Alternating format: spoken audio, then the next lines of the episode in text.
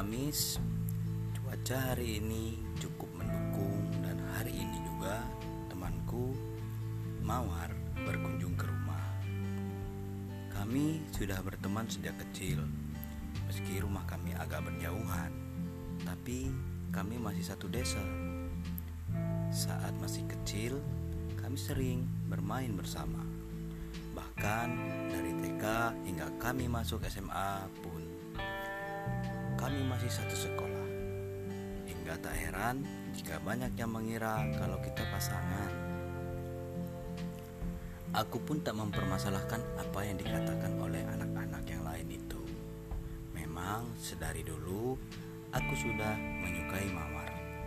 Tapi meski aku mengenalnya lebih dari siapa pun, aku masih tidak tahu bagaimana perasaan Mawar padaku. Mawarlah yang sesekali mampir ke rumahku untuk sekedar bermain atau mengerjakan tugas bersama. Sedangkan aku sudah lama tidak main yang ke rumahnya. Aku mulai menyukainya ketika kami masuk SMP. Dan sejak itulah aku tak pernah berkunjung ke rumahnya karena canggung. Hah, benar-benar perasaan yang merepotkan. Huf, ada apa Mawar? Sepertinya hari ini mukamu tampak berbeda, tanyaku dan sambil menggodanya. Hari ini aku habis ditolak oleh Mas Ardan. Jawabnya sambil mengeluh. Mas Ardan? Dasar ketua basket sialan, batinku. Maaf ya Dani, aku malah curhat ke kamu. Um, gak apa-apa kok, jawabku. Memang dibanding si ketua basket itu, aku memang gak ada apa-apanya. Aku pun juga gak terlalu pintar, bisa dibilang aku ini memang standar banget batinku. Hei Mawar, ayo main ke alun-alun mumpung besok hari Minggu. Wajah sedihmu bikin jelek pemandangan aja. Ya jelas lah, kan aku baru aja dapat musibah perasaan. Kamu aja yang gak pernah ngalami. Jawabnya sambil marah-marah. Andai kamu tahu Mawar, hari ini juga perasaanku ikut hancur melihat keadaanmu seperti ini kamu lebih memilih Mas Ardan padahal aku yang selalu bersama. Alasanku mengajakmu keluar bersama adalah karena aku ingin berdua melepas semua beban pikiran kita, batinku lagi. Aku membonceng Mawar dengan sepeda beatku. Meskipun aku laki-laki, aku tidak pernah memakai sepeda motor selain metik. Jadi jika aku memakai sepeda motor seperti Kawasaki, sudah kupastikan aku bakalan jatuh dan sampailah kami di alun-alun Sidoarjo. Kuparkir sepeda dan mulai berjalan kaki bersama Mawar. Setelah sekitar satu jam kami di sana, sambil membicarakan hal-hal lucu saat kami masih kecil dengan harapan Mawar bisa tersenyum kembali, aku memberikan permen kembang gula kapas dan salah satu kesukaan Mawar. Satu jam kemudian, kami memutuskan untuk kembali. Saat perjalanan ke tempat parkir, aku melihat bapak tua yang menjual balon. Di usianya yang sudah terlalu tua, seharusnya beliau banyak istirahat di rumah. Tidak adakah seorang anak dari beliau yang peduli hingga beliau masih harus mencari nafkah di usianya? Tanyaku pada Mawar. Iya, nggak tahu juga, tapi kasihan banget.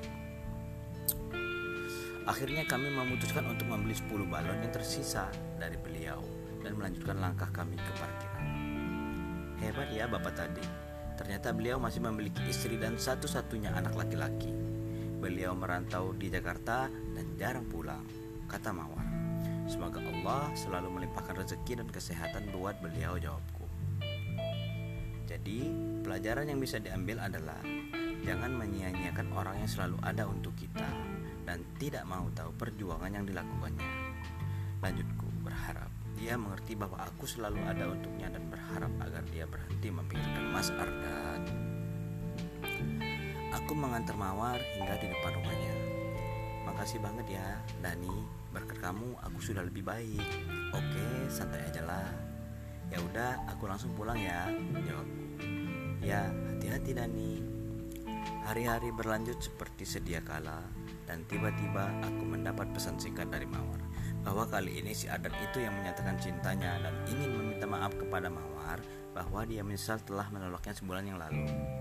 Mawar, aku berharap kamu menolaknya Dia yang telah membuatmu patah hati, batinku. Keesokan harinya sudah mulai terdengar kabar bahwa Mawar dan si Adan mulai jadian. Hari demi hari berlalu dan Mawar sudah tidak pernah mengunjungi rumahku lagi. Malam ini ayahku pulang agak larut beliau mengatakan bahwa pimpinan perusahaan senang dengan hasil kerja ayah dan akhirnya beliau akan naik jabatan menjadi manajer perusahaan. Akan tetapi ayahku akan ditempatkan di daerah Malang. Aku pun ikut senang, tapi akhirnya kami bertiga termasuk ibuku memutuskan juga pindah ke Malang dan mengontrakkan rumah kami. Semua persiapan sudah kami lakukan dan minggu depan kami akan pindah ke Malang. Aku masih belum memberitahu hal ini pada Mawar. Aku berniat pergi dari kehidupannya diam-diam. Terlalu menyakitkan bagiku setelah semua hal yang kulakukan sia-sia. Halo, Dani, kamu di mana? Kenapa tiba tiba rumahmu juga kosong? Ibumu juga sepertinya tidak ada di rumah. Dani, kenapa kau diam aja sih?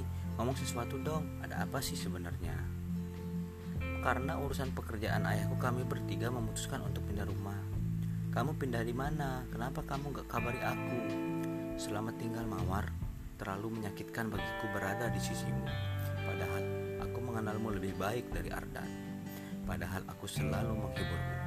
Padahal aku, padahal aku juga mencintaimu tapi kamu.